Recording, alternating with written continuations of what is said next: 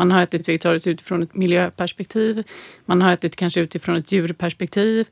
Man har ätit utifrån ett hälsoperspektiv. Det har gått olika trender inom det vegetariska.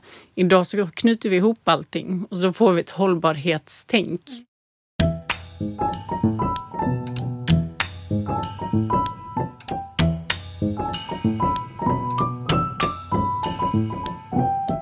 Här är Matarvspodden. I denna serie möter jag, Lisa Häger, olika forskare och författare och pratar om mat som kulturarv.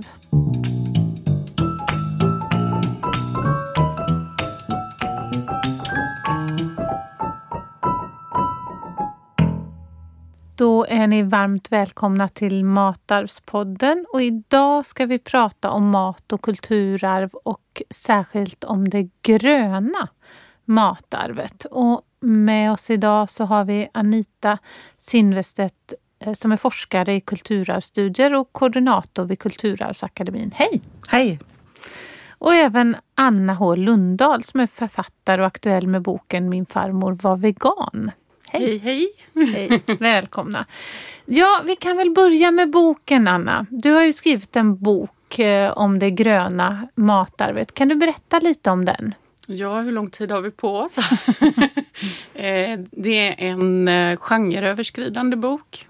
Tanken var från början att det skulle bli en kokbok. Sen har den vuxit till något annat som är väldigt svårt att beskriva. Men det handlar om min familjs historia. Hur vi blev veganer och vegetarianer i slutet på 50-talet. Och en bit in också på 40-talet eftersom det var farmor och mormor som valde olika vägar där. Eh, och det sätts in i ett större samhällskontext i form av vegetarianismens hela historia. Eh, från 5000 år före Kristus fram till idag så gör jag nedslag med olika personer och olika rörelser som har betytt saker för vegetarianismens framväxt. Mm. Med mig har jag tio, ungefär, lite drygt, mm. grymma medförfattare som skriver utifrån olika ämnen. Då, allt från politik till en kock som skriver om kökets historia, till exempel. Ja, vad spännande. Och mm. eh, Anita, det har ju också getts ut en bok om, om matarv, alltså Matarvsboken. Vad har hänt med den sedan den gavs ut? Ja, det är väl det vi sitter med här nu då, inte minst att vi har spelat in eh, poddavsnitt som liksom utgår ifrån eh, många av kapitlen i eh, boken och där de som har skrivit bidragen deltar i den här podden. Men nu har vi också tagit in lite andra som inte har varit med i just Matarv då som vi gav ut i höstas som Anna som är med här idag till exempel. Men då är det ju så att Anna till exempel och här kommer vara med i del två av våran matarvsbok som vi har börjat jobba med nu. Eh, så det kommer en fortsättning på den här boken då, Matar berättelser om mat som kulturarv. Ja, vad roligt. Mm. Och eh, i din bok Anna så skriver du om det vegetariska och det veganska matens historia. Hur är det kopplat kopplat till matarvet. Vad är det du nämnde det lite snabbt här i början. Hur ser den vegetariska eller veganska matens historia ut? Ja, det där är ju en jättestor fråga, men det har ju förändrats otroligt mycket skulle man kunna säga om man går bara så kort tid tillbaka som till 50-talet till exempel. För det är ju svårt att gå ännu längre, då blir det väldigt långt samtal det här. Mm. Men som för min farmor och mormor eh, så var det ju mycket färre råvaror. Eh, de hel och halvfabrikaten var mycket färre. Vi hade mycket mindre eh, utbud än vad vi har idag. Både i matbutikerna eh, och i grönsakslanden kan man säga. Så att det har varit historiskt sett vad de har lagat har varit mycket lådor och biffar och sådana saker. Mer mat från grunden skulle jag säga att man åt tidigare än vad man gör kanske idag. Nu är det någon slags blandning. Liksom. Vi vill äta kanske färd, eh, liksom hemmagjorda biffar och då köper vi färdigriven moro, eh, morot eller färdigriven blomkål till exempel. Så idag är det någon slags blandning av hur det har sett ut till exempel på 80-talet när det var mer färdigprodukter. Liksom. Men även hel och halvfabrikat har ju verkligen exploderat inom det vegetariska och veganska köket de sista tre åren bara. Så det har ju hänt väldigt mycket är det någonting du känner igen där Anita med hel och halvfabrikat och hur man ser på maten?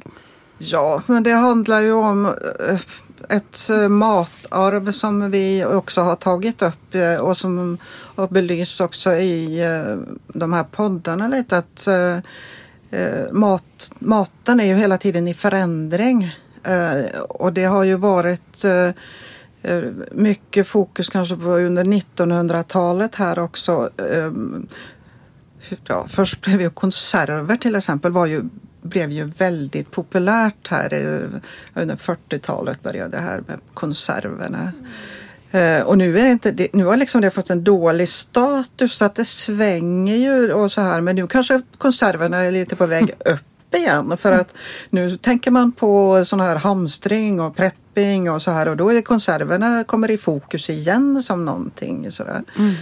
Eh, så att eh, mattrender är ju något eh, som, ja, det, det, som är väldigt intressant att följa. Så. Mm. Mm, verkligen. Jag tyckte det var spännande Anna att du kunde spåra tillbaks det vegetariska matarvet ända till Pythagoras. Kan ja. du inte berätta lite om det? Ja, om det, alltså det finns ju inte så jättemycket dokumenterat som jag har kunnat hitta, så att just att berätta om det. Men vad man kan se, alltså generellt sett är väl att det har styrts av olika ideologier eller tankar eller så kring, alltså som, som har, idag har knutits samman på något sätt. Alltså miljötänket fanns väl kanske inte på Pythagoras tid. Men vad jag kan se är ju att långt tillbaka, om vi inte specifikt håller oss till Pythagoras tid, för den kan jag inte så jättemycket Nej, om. Men... men att historiskt, om man går tillbaka generellt och gör någon slags bild, så är det ju Alltså djur, djuren har ju stått i fokus länge, mycket längre än veganismen har haft, funnits som definition eller som begrepp. Mm. Eh, veganbegreppet kom ju först liksom på 40-talet. Alltså, och det vegetariska begreppet dök upp på 1800-talet i mitten. Så att begreppen har inte funnits. Därmed gör det också det väldigt svårt att säga vad är veganismens historia? Vad är vegetarianismens historia? Eh, utan det har liksom gått om vartannat. Så därför har jag valt att kalla det liksom det grön, den gröna historien mycket. Mm. Eh, så att det var först där på liksom mitten av 1900-talet som det blev en tydlig brytpunkt. Där man så här, okej, okay, nu föds veganismen för att begreppet föddes. Nu föds vegetarianismen för att begreppet föddes. Okay. Så det är det som jag har förhållit mig till.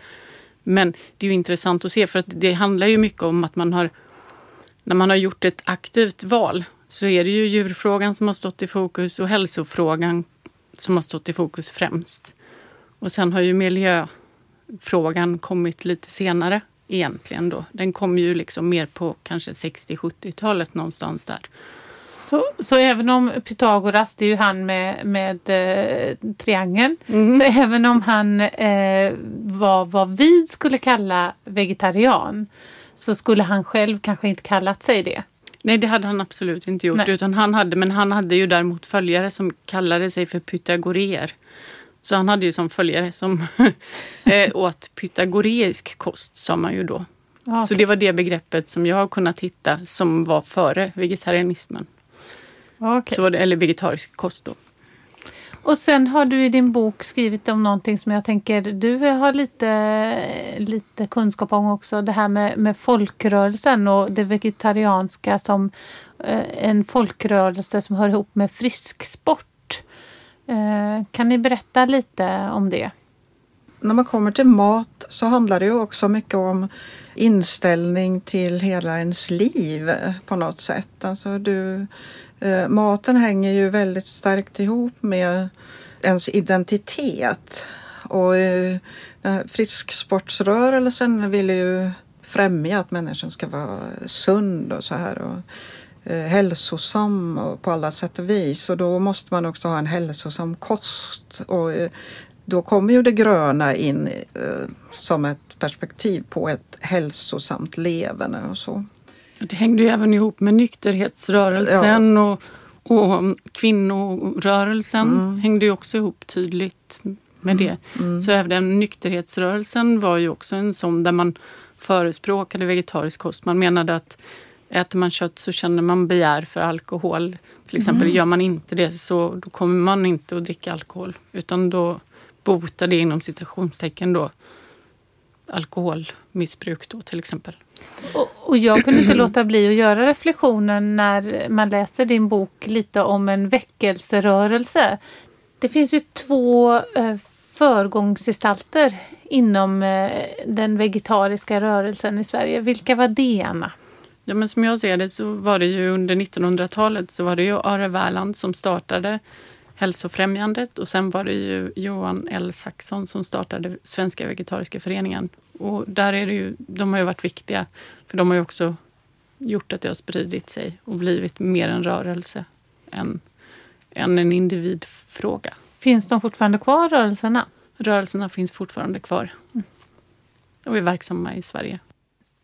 Sen har vi också pratat lite om att göra val kring sin kost och hur det ser ut. Och eh, jag vet att eh, Anna, du har också pratat om att det har gått från att vara lite mer problematiskt kring den vegetariska kosten på eh, 70 och 80-talet. Att man kunde bli ifrågasatt till att det nu är mer, alltså att det finns en mängd av olika kostpreferenser att välja på. Kan du berätta lite om det?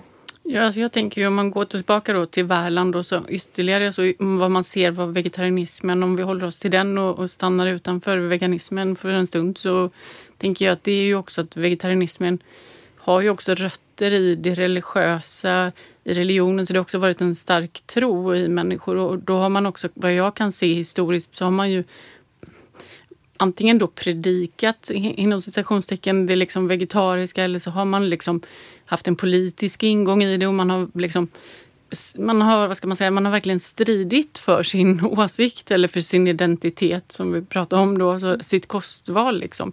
Så det har ju, man har ju verkligen kämpat och därmed har man ju kanske inte alltid haft liksom den mest ödmjuka framtoningen och så heller. Så det har ju funnits och då har man skapat också eh, ett motstånd, tänker jag, mot det vegetariska köket i och med att det har blivit kanske i vissa fall aggressivt. Eller liksom, Polariseringen gör att ja, det blir ett motstånd menar du? Exakt. Ja. Så att jag tänker och sen så okunskap också. Sådär. Eh, så att det finns ju många olika saker men som när jag växte upp då på 70-talet här i Göteborg då, då alltså, det var inte många som var vegetarianer heller. Så att dels utbudet av vad man fick och kunde äta var inte så stort. Men också att, ja, det fanns väl, man var annorlunda, man liksom var inte en del utav normen. Och då blev man ju ifrågasatt. När jag gick i skolan till exempel så var det ju liksom jag och så kanske det var tre till på hela min skola. Så att det, det lyxigaste jag åt var keso. Liksom.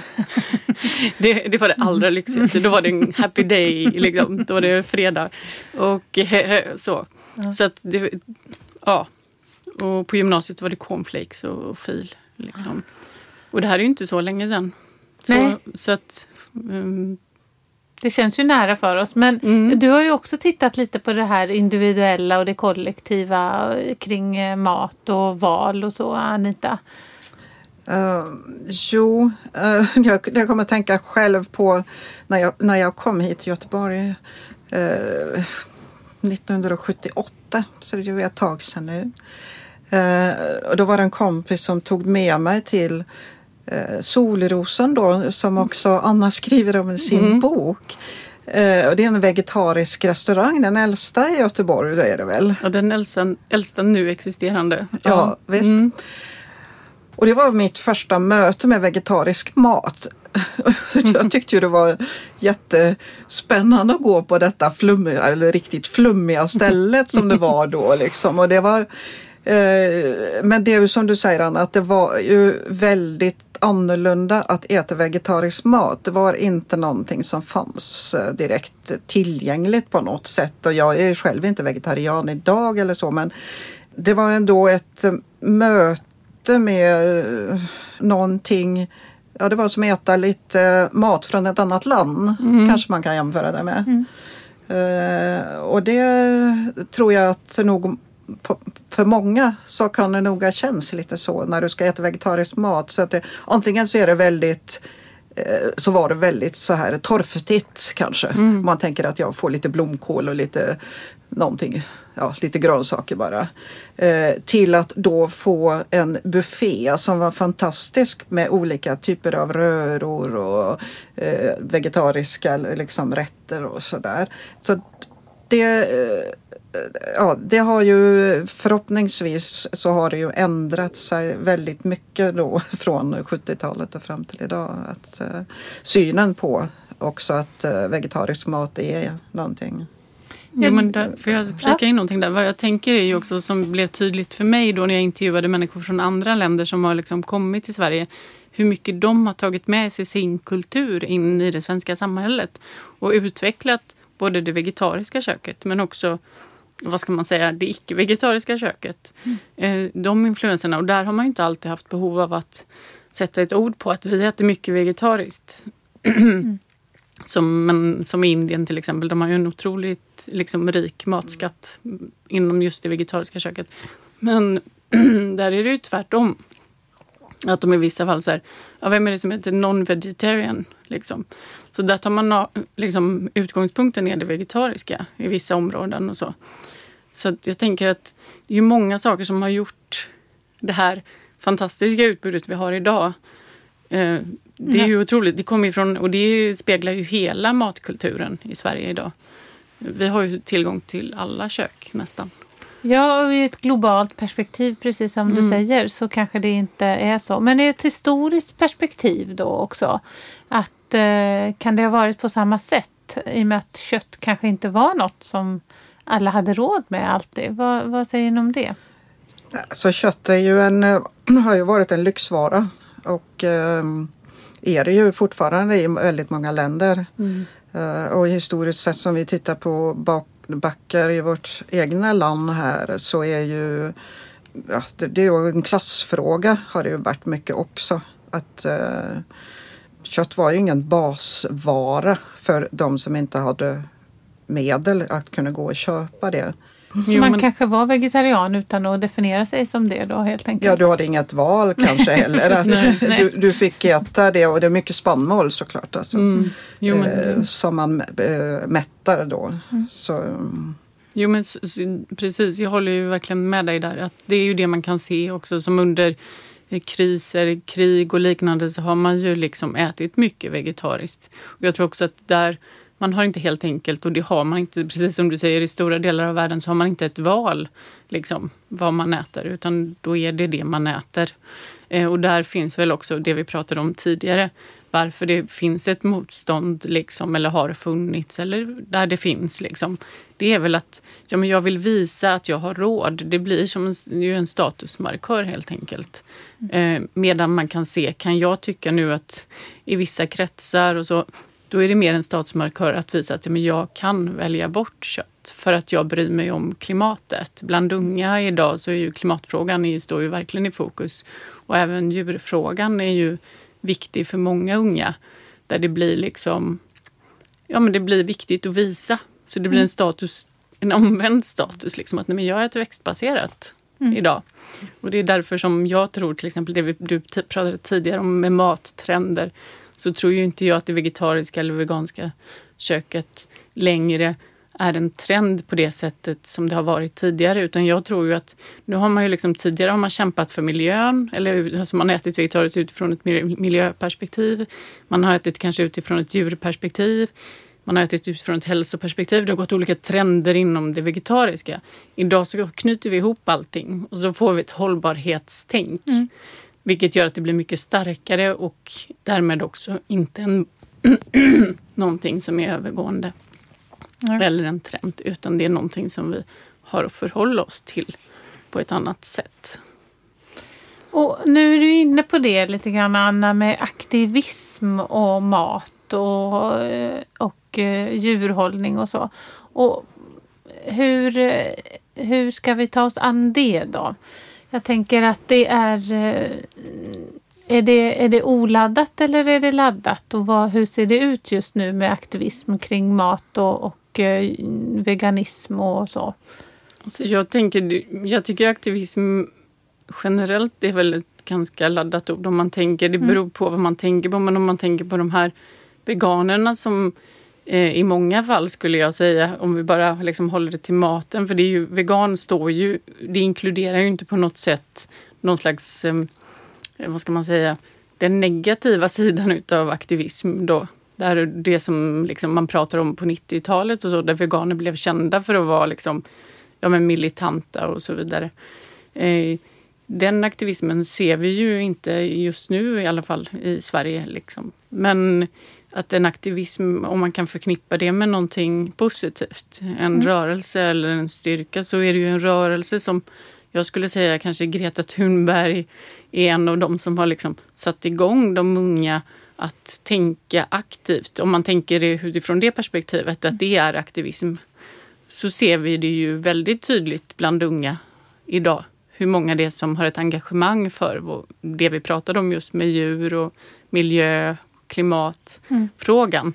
Det är ju väldigt starkt. Sitt ekologiska fotavtryck helt enkelt. Exakt. Mm. Mm. Och Anita, du, vi har också pratat lite om aktivism kopplad och, och gröna vågen som var någonting på 70-talet som också var en, en eh, aktivism kopplad till mathållning.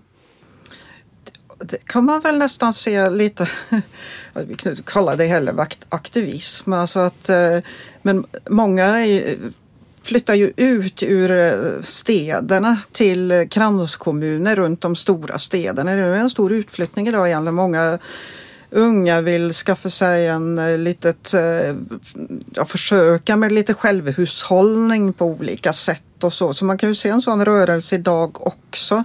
Samtidigt som man också kan se en rörelse inom staden kan jag tycka att stadsodling, eh, odling på tak av hus, eh, tänka att man ska ha hönor in i mitten i stan och sådär.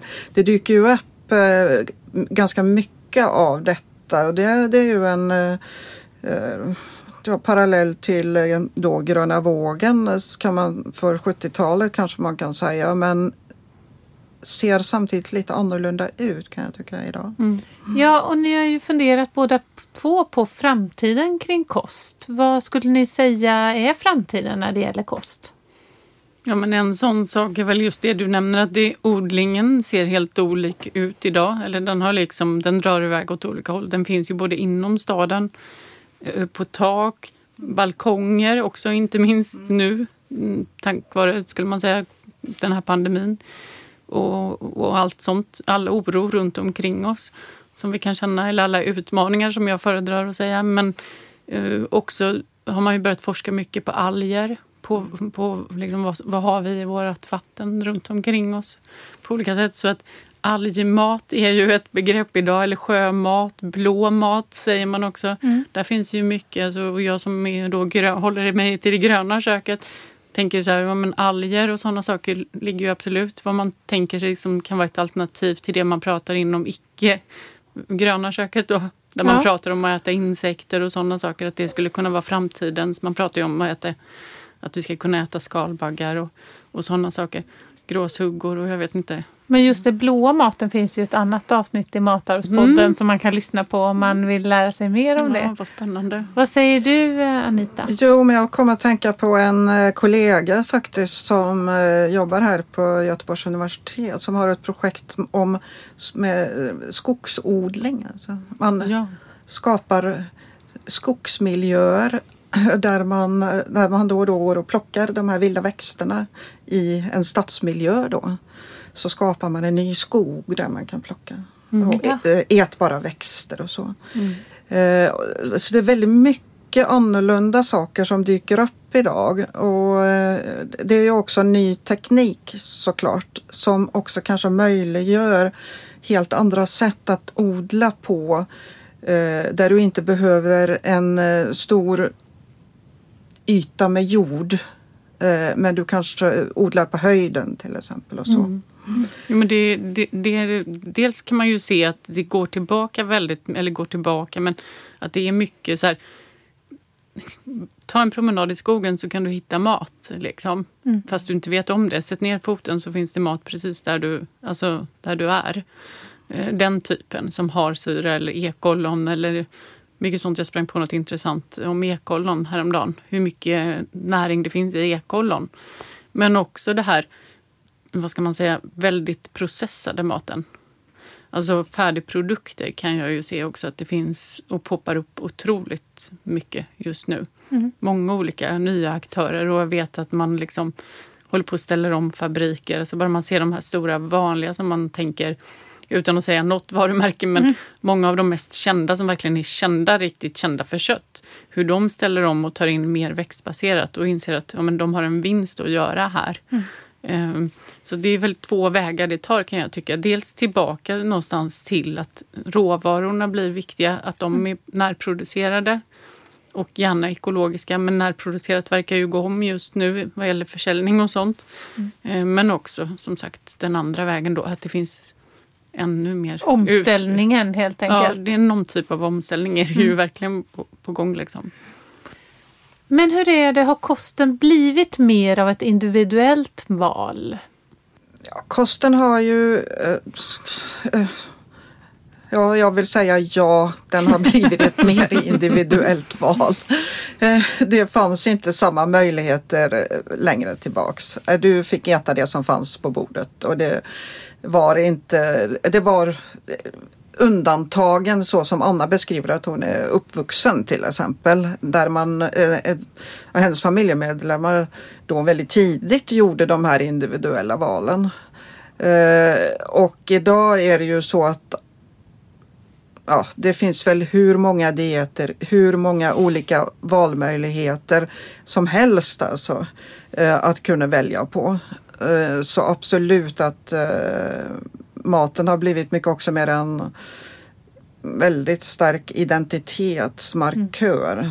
och hur man väljer. Och det handlar ju både om att vara miljömedveten eller att vara allmänt kostmedveten eller att inte göra något val överhuvudtaget till exempel. Eller så. Men samtidigt så är det ju också en, det är ju fortfarande en klassfråga skulle jag vilja säga. Eller en eh, religionsfråga också. Det Den också. är ju klassisk. In, alltså, självklart mm, en religionsfråga mm. också. Ja, eller mer en tro, alltså vad ska man säga, ja. mer en trosfråga mm. skulle jag vilja säga. För jag vill inte koppla det enbart till religion utan Nej. det kan vara också att man har en inre övertygelse om någonting som inte utgår från religion. Mm. Som mer en ideologisk. Jag tänkte, mer, jag tänkte mer historiskt sett. Ja, du så finns det ju en, en, en, tydlig kost och ja. religionsfråga. Men hur ser du på de individuella valen, Anna? Jo, men jag tänker ju som du också att det, idag är det ju mer ett individuellt val. Eller att man liksom, men sen så tänker jag ju också att man åker med i någon slags ström utav mm. liksom, att man har risk för det. Alltså, samma för mig. Liksom. Jag kör på med det, jag är van att laga och sådär.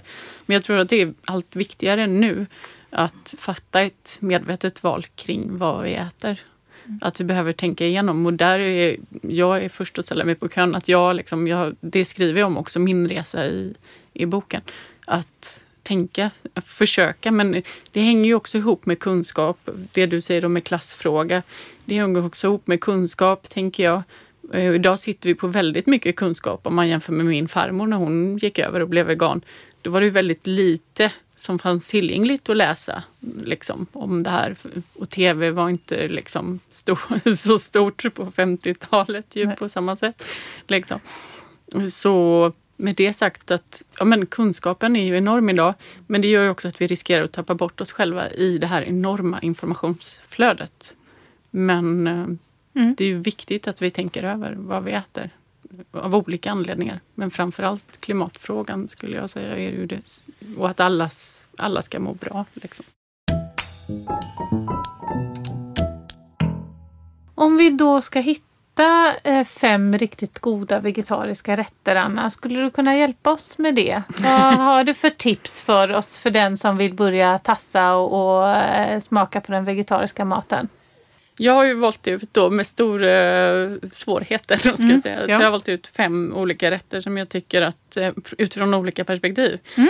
Eh, en som innehåller mycket protein eh, och innehåller quinoa. Det är en potatis och parmesanbiff. Oh, det låter gott. Med rå broccoli och kokt potatis och ja. quinoa. Och lite parmesan och lite muskot. Ja. Ja, och massor med vitlök och citron i. Den kan jag fresta med. Kanske jag kan absolut. lägga ut det receptet någonstans i mina sociala medier. Eller ni kan lägga ut den eller vi, vi kan dela den. Eh, Så man kan få förstå hur god den är. För den är god, lika god kall och varm sa jag här ute alldeles nyss innan vi satt här inne i studion. Eh, och sen tänker jag lyfta fram min mormors grönsakssoppa eftersom att det är råvaror som vi kan hitta i grönsakslandet hemma eller som vi kan tänka närodlat om vi ska tänka närodlat fokuset. En Liksom. klassisk grönsakssoppa helt Ja, enkelt. bundsoppa jättebra. liksom. Ja. Så här riktig klassisk eh, med morötter och potatis och Ja. rotselleri i. Som är så här riktigt mustig och som också bara blir godare och godare. Och mycket, mycket dill i. Mm. Eh, sådär, ni tänker er. Och sen så har jag valt ut min farmors surkål utifrån det perspektivet att det är, vi fermenterar, eller som hon sa då, vi mjölksyrar vitkål. Vi behöver bara en liten skvätt citron. Vi behöver inget vatten, vi behöver ingenting. Det är någonting som vi kan bevara länge. Ja, som innehåller väldigt mycket näring. Så det har jag valt. Mm. Och det kan också liksom, ja, vi kan ha det till allt egentligen. Jag Och har det på frukostmackan varje Och bra morgon. för liksom. magen också. Ja, men väldigt bra Mm. för liksom, tarmfloran helt enkelt. Som vi pratar ju mycket om också, eller hur? Det pratas ju mycket om Mm. det också. Eh, och sen har jag valt ut någonting som inte kräver många ingredienser. Men som, jag också, som också innehåller quinoa faktiskt. För quinoa är en sån liten favorit för mig. Även om jag vet att det är så här miljömässigt ska man liksom kanske inte. Men det finns ju många aspekter på det här. Men näringsmässigt bra. Och det är min egen champinjon och quinoa. eh, Min champinjonkinotto helt enkelt. Mm. Kallar jag det. Det är som en risotto fast med quinoa. Ja. Och innehåller då quinoa, parmesan, en liten skvätt grädde om man tycker om det eller växtbaserad grädde vad man nu tycker om. Eh, och sen även brysselkål, morötter. Men man kan göra hur man liksom vill i den och då brukar jag hyvla mina morötter väldigt tunt. Och så är bro, eh, broccolin är kokt. Ah, så gott. den är väldigt god och också Mm. sån sak som man kan ha länge och ja men ni vet och nyttigt och så. Så är det hela champinjoner i och då kan man marinera dem om man vill eller inte vill eller sådär. Och Man blir rätt hungrig här nu. Jag Men vad har du den sista nu den då? sista här då? Ska jag verkligen vi säga se. den. Mm. Eh, Den finns i min bok och det heter Trasig pasta, heter det receptet. Mm. Det är alltså sönderbrutna lasagneplattor. Så den här har jag valt för att jag tycker, älskar lasagne själv. Mm. och det är ostronskivling och det är massa såna här saker som vi kanske inte ska äta varje dag. Men det är som lite lyxigare. lyxrätt, liksom. helt ja, och Man enkelt, kan ja. göra den till en lasagne eller man kan göra den som en pasta. Ja. Men det är lite extra festligt liksom. Då tackar jag så mycket för att ni kom hit och pratade om det gröna matarvet. Tack. Mm, tack, tack. Tack så jättemycket för att jag fick komma hit. Tack. Matarvspodden produceras av Kulturarvsakademin vid Göteborgs universitet. Vill du veta mer om mat som kulturarv? Läs gärna boken Matarv som finns på Carlssons bokförlag. Och vill du veta mer om Kulturarvsakademin? Sök på webben.